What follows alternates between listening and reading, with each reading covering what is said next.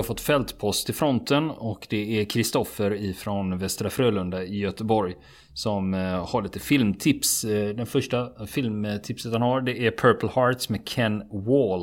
Eh, det är en Vietnamfilm och han skriver så här. Vad jag kommer ihåg så gillar jag denna story med lite love och krig blandat. Och det är faktiskt en Vietnamfilm jag har sett. Jaha. Och eh, jag ska väl inte förringa Kristoffers åsikt om den. Det är en ganska ordinär Vietnamfilm.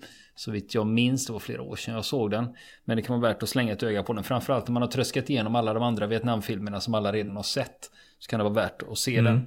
Och då passade jag på att tipsa honom om en gammal Vietnamfilm som heter The Boys in Company C. Som mm. eh, utspelar sig eh, i Vietnam och även under utbildningen i Vietnam. Och det är inte utan att man kan se lite paralleller till Full Metal Jacket i det här. Mm. Just när man då går igenom utbildningen och sen vad som mm. händer när de kommer till Vietnam. Det är också ett tips. Kristoffer fortsätter även att tipsa för de som har Netflix. Mm. Har du Netflix Niklas? Nej, inte än i alla fall. Nej, jag skaffade det häromdagen. Jag kommer att komma med en fullständig rapport på Trevligt. Eh, Netflix vad mm. de har att erbjuda. Jag har hållit man... mig på ful-tv-fronten ett tag. Har jag gjort, så att, ja. ja, internets bakgård. Ja. Ja. Men Kristoffer från Västra Frölunda tipsar även om en dokumentär där som heter Only the Dead. Och det är en dokumentär från 2015 och det är en journalist som är med under Irakkriget 2004. Han varnar för att den är väldigt brutal och hemsk i vissa bitar men samtidigt intressant att höra killens tankar om sin tid i Irak och hur det påverkade honom och soldaterna. Och den heter Only the, Only the Dead och den finns på Netflix. Tack för det Kristoffer. Vi har fått eh, fältpost i fronten och här är det Mattias Gustafsson som har skickat in till oss. Han eh, eh, tackar så mycket för tipset om eh, Bäckebo, det vill säga det V2 mm. han slog ner. Han har faktiskt åkt dit och han hade lite problem att hitta men lyckades få hjälp av en lokal skogsbonde. Han tyckte det var ett intressant resmål. Ja. Och han vill även tipsa om minstationen Skansen Grimskär som ligger utanför Kalmar. Mm. Eh, så han tipsar att eh, under sommaren då kan man någon gång ta flundran ut till Grimskär skans och den har försvarat Kalmar sedan 1500-talet och bunken under ön var topphemlig fram mm. till 90-talet. Det är sånt där litet utflyktsmål. Ja, vi tackar Mattias för det restipset. Grimskärs skans alltså. Vi har fått fältpost till fronten och det är från Viktor Lindgren. Han ska åka bil, hade han tänkt. Mm. Och Jaså. då är det Normandie. Och han har tidigare varit vid Omaha Beach och Pegasus Bridge. Så det har han mm. redan klarat De av. De grejerna har han sett. Ja, ja. ja precis. Han undrar över mm. om vi har tips på ställen som man inte får missa när man befinner sig i området. Han har missat Normandy, American Cemetery och Memorial. Men American tänk... Cemetery, den ligger ju ovanför Omaha Beach. Ja, ja, han kanske inte... Han, han, han kanske inte orkar... var bara på stranden, han orkar inte klättra upp. Det var, det, var det så? Har du, har du inte sett filmen? Hur det är massa hinder och så ligger ja, de där med Och så ligger de och skjuter där. Hur fan skulle han ta sig upp till Nej, jag tänkte inte på det. Ja. ja förlåt. Precis. Men, ja. eh, den är väl värd ett besök, den kyrkogården. Den är väldigt gripande. Faktiskt. Det finns en speciell del av den där bröder ligger begravda och där fäder och söner ligger begravda. Och så vidare som gör att ja, det blir extra påtagligt. Så att eh, den amerikanska krigskyrkogården kan man definitivt värt, värt ett besök om man börjar fundera på det här med verkligen kommer nära in på det här med krigets våldsamhet och ja, dödens närhet när man ser alla de här snörräta raderna med eh, gravstenar. En annan krigskyrkogård som man kan besöka i Normandie, det är ju den tyska Lacombe. Som eh, också är enormt stor. Eh, där för övrigt Michael Wittman ligger begravd numera också. Vem är det? Pansar S. En tigerstridsvagn som vi ska prata om en annan gång när det gäller Normandie. Eh, de brittiska kyrkogårdarna de är mer utspridda. De är, man centraliserar inte sina utan det är många mindre kyrkogårdar som man hittar här och där i, i landskapet runt om i Normandie. Um, sen finns det ju några ställen som är intressanta att besöka om man har tänkt att tillbringa en tid med att åka hit och dit på den normandiska landsbygden. Uh, om man åker till den, uh, för vår frontens lyssnare, välbekanta orten Saint-Mère-Église Där uh, amerikanska fallskärmsjägare drabbade samman med tysk militär under natten, första natten, invasionen. Vill, Så- man, vill man läsa om det så har vi ju Mm, eh, Ambrose bok eh, D-Day. just det. Som eh, skildrar det här på ett väldigt bra sätt. Och även Cornelius Ryan får vi inte glömma. absolut. Eh, Och där finns faktiskt ett museum, The Airborne Museum, då som handlar om, eh, om eh, de amerikanska fallskärmsjägarna. Eh, som man gärna kan titta på. Och eh, i Aromange vid eh, kusten mitt emellan de brittiska och franska eh, landstigningszonerna där det upprättades en, eh, en av de här mullbärshamnarna. Eh, där har man eh, ett, en 360 graders bio som eh, jag själv inte har besökt men jag har hittat information om den på en turistsida. Eh, där de har eh, filmvisningar som har med D-dagen att göra. Och eh, bara av det jag kunnat läsa mig till så verkar det vara väldigt intressant. Så jag blir lite sugen på att själv se, se det där. Och eh, ja, sen är det ju egentligen att utrustar man sig med en bra eh, guidebok och en histori- en, eh, en eh, eh, lite bra historiekunskaper och är lite uppdaterad så finns det ju hur mycket som helst som man kan eh, hitta runt om i, i terrängen. Och små museer som ligger utspridda här och där, bland annat vid, eh, vid Pegasusbron då. Där finns ju ett museum, men där hade han ju redan varit. Ehm, och även när det gäller striderna som följde efter det dagen så finns det mycket att se. I Falais exempelvis, där eh, som blev ett Stalingrad i miniformat på västfronten. I, eh, under sommaren 1944 när den tyska försvarsfronten slutligen kollapsade. Och i, eh, i, i en litet samhälle som heter Colville-sur-Mer så ligger eh, Big Red One Museum, alltså ett, ett museum som är tillägnat amerikanska första infanteridivisionen och dess strider i Normandie. Är det Big Red One? Ja, just det. Har du sett filmen? Eh, ja, det har jag faktiskt gjort. Och jag vill glömma den. Ja, för er som inte har hört talas Mm. om Big Red One, det är en gammal krigsfilm. Är det Lee Marvin och Mark Hamill som är med i den? Ja, det är det väl va? Har jag för mig. Mm. Och det handlar då om eh, den första infanteridivisionen, Mm. då deras historia.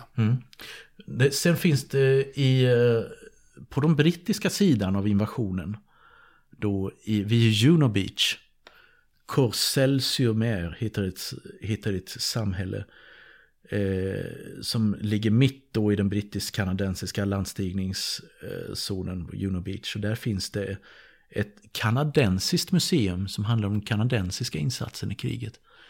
Och med tanke på att eh, de kanadensiska trupperna faktiskt var de eh, bäst tränade, mest vältränade, välutbildade av de västallierade styrkorna men som har fått eh, oförskämt lite uppmärksamhet så kan det vara värt ett besök och uppmärksamma för att uppmärksamma och studera den delen. Och det är faktiskt något vi ska råda bot på. För i ett, ett av våra avsnitt så kommer vi framöver att ta upp kanadensarnas insatser under D-dagen. Men det är en sån sak som är, kommer. Mm, just det. Center Juno Beach heter museet. Eller Centre Juno Beach om det ska franska som gäller. Ehm, Jo, så jag- det är några exempel. Mm. Jag tänker på, eh, om man ändå är i krokarna, norr om eh, de här landstigningsstränderna på andra sidan Seine, så ligger ju Le Havre. Och vi gjorde Mm, just ju, det. ja, vi körde ju avsnitt i höstas Mm. om eh, officeren som försökte rädda Le Havre. Just det. det. Och där kör vi Just det. historien om Le Havre. Mm. Och där nämner vi även namnet på ett batteri som ligger på andra sidan Seinefloden där det finns delar kvar Mm.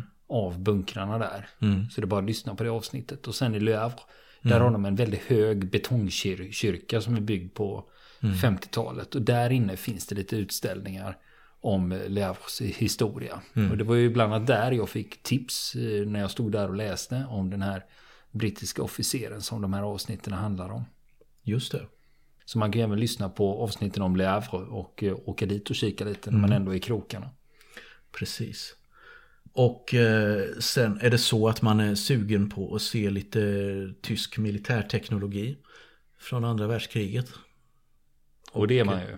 Ja, om man, om man tillhör frontens lyssnare så, Så är, jag. är man väl Jag är det. Ja. Det det. Ni får inte tro att det var ironiskt Ja. menat utan Nej. jag är intresserad. Ja. Vi är helt distanslösa här. Eh, och som jag sa, Falais är ju intressant när man ändå är vid Normandie.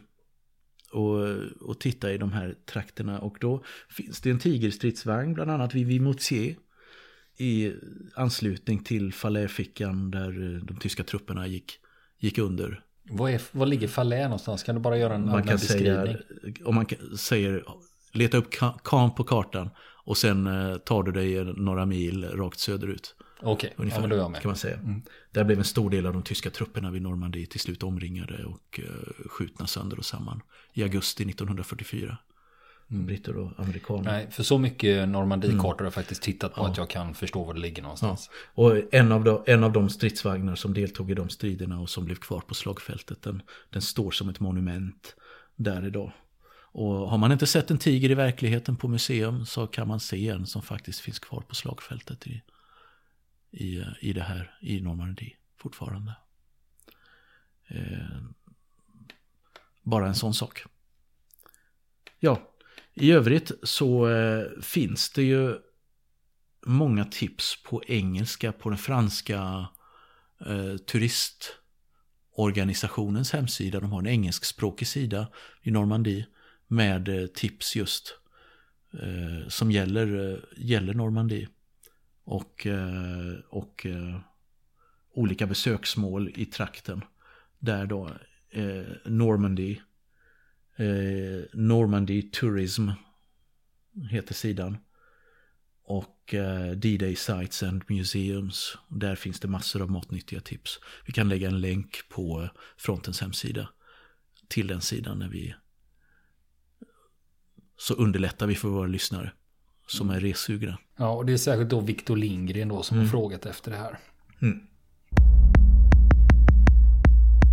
Vi har fått fältpost i fronten och det är från Herkan Karlsson. Han har ett eh, filmtips och han vill tipsa om filmen War Pigs med Dolph Lundgren.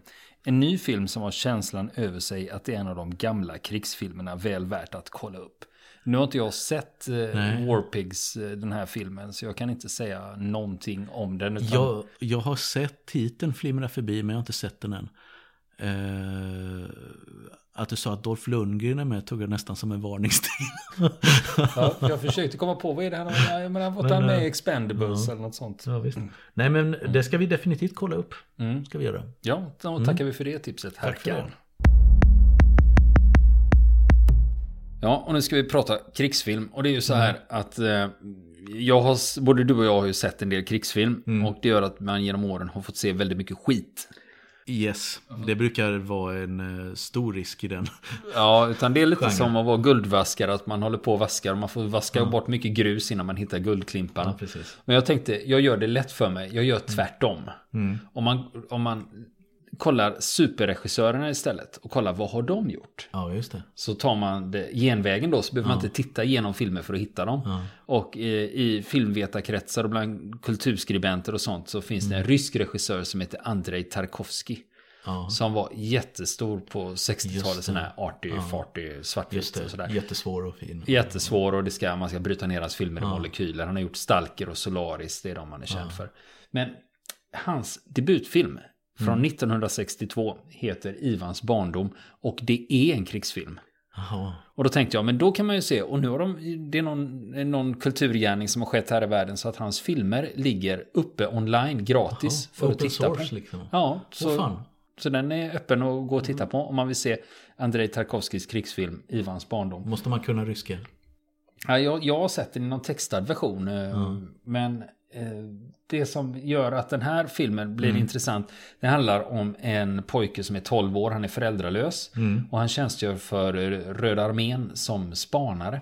I och med att han är barn så smiter han in bakom tyskarnas linjer. Och han tar sig fram ganska lätt. Och sen kommer han tillbaka och, och avrapporterar då till sina befäl.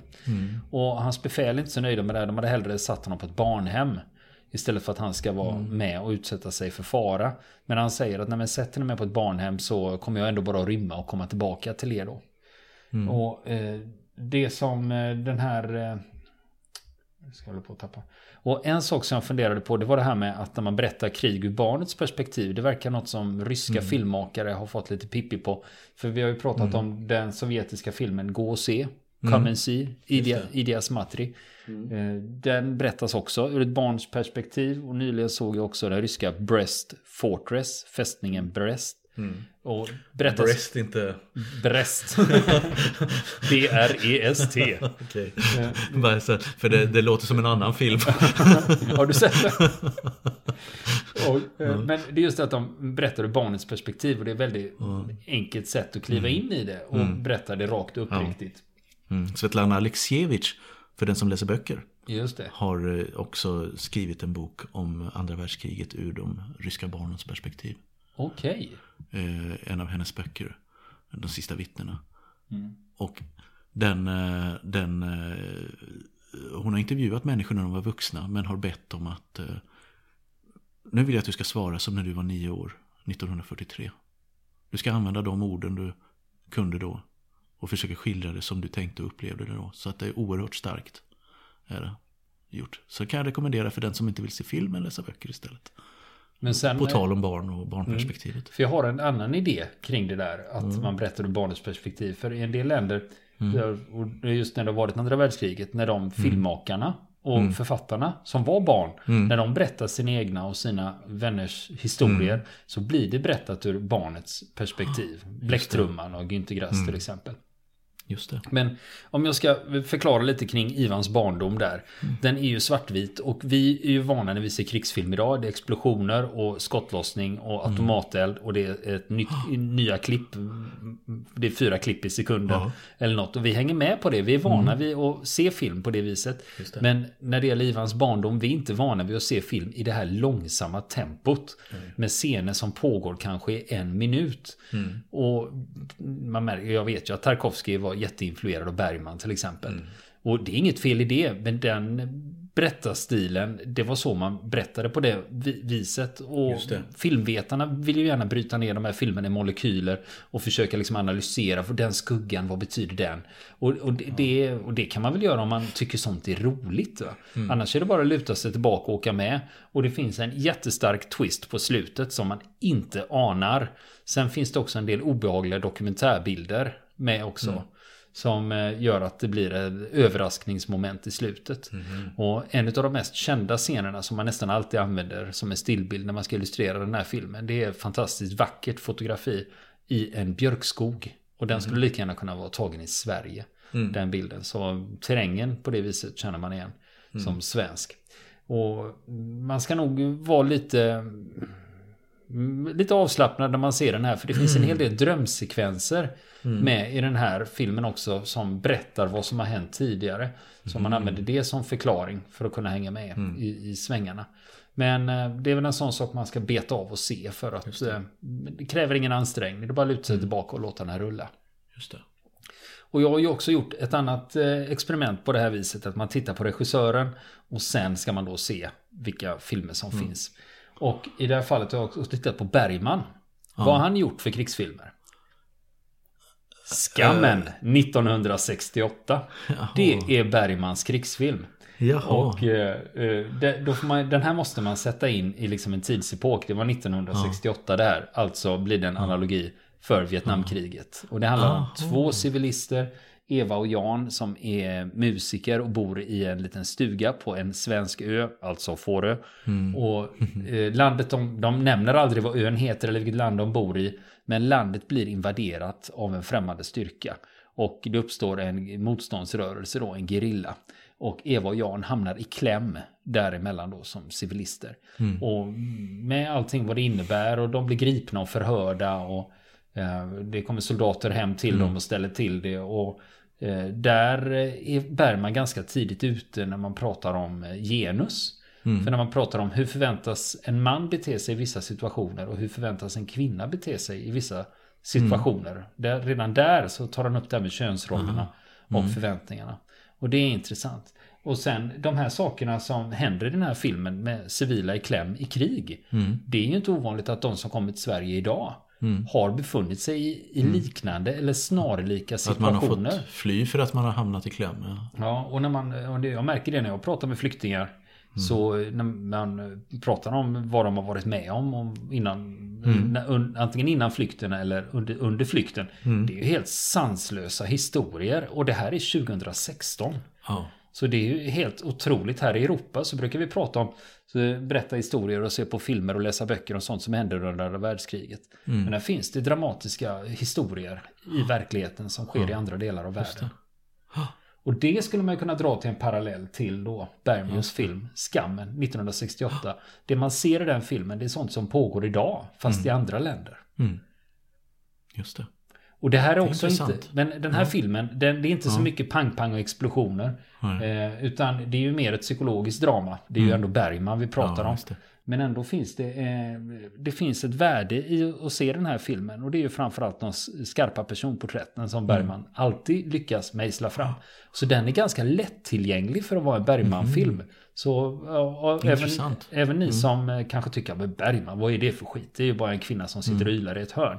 Nej, den här filmen är mer lättillgänglig än så. Mm. Det är bara att luta sig tillbaka och, och, och, mm. låta den rulla. För mm. det är inga, och som vanligt när det är Bergman-ensemble, det är ju inga dåliga skådisar som Nej. är med.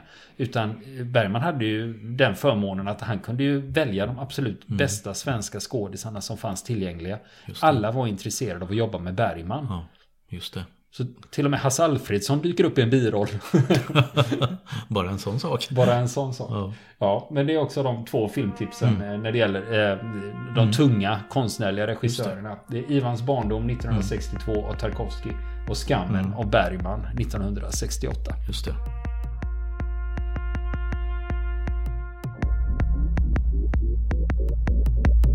Vill ni komma i kontakt med oss så kan ni göra det via vår Facebook-sida som heter Fronten. Det är inga problem för er att leta er fram där.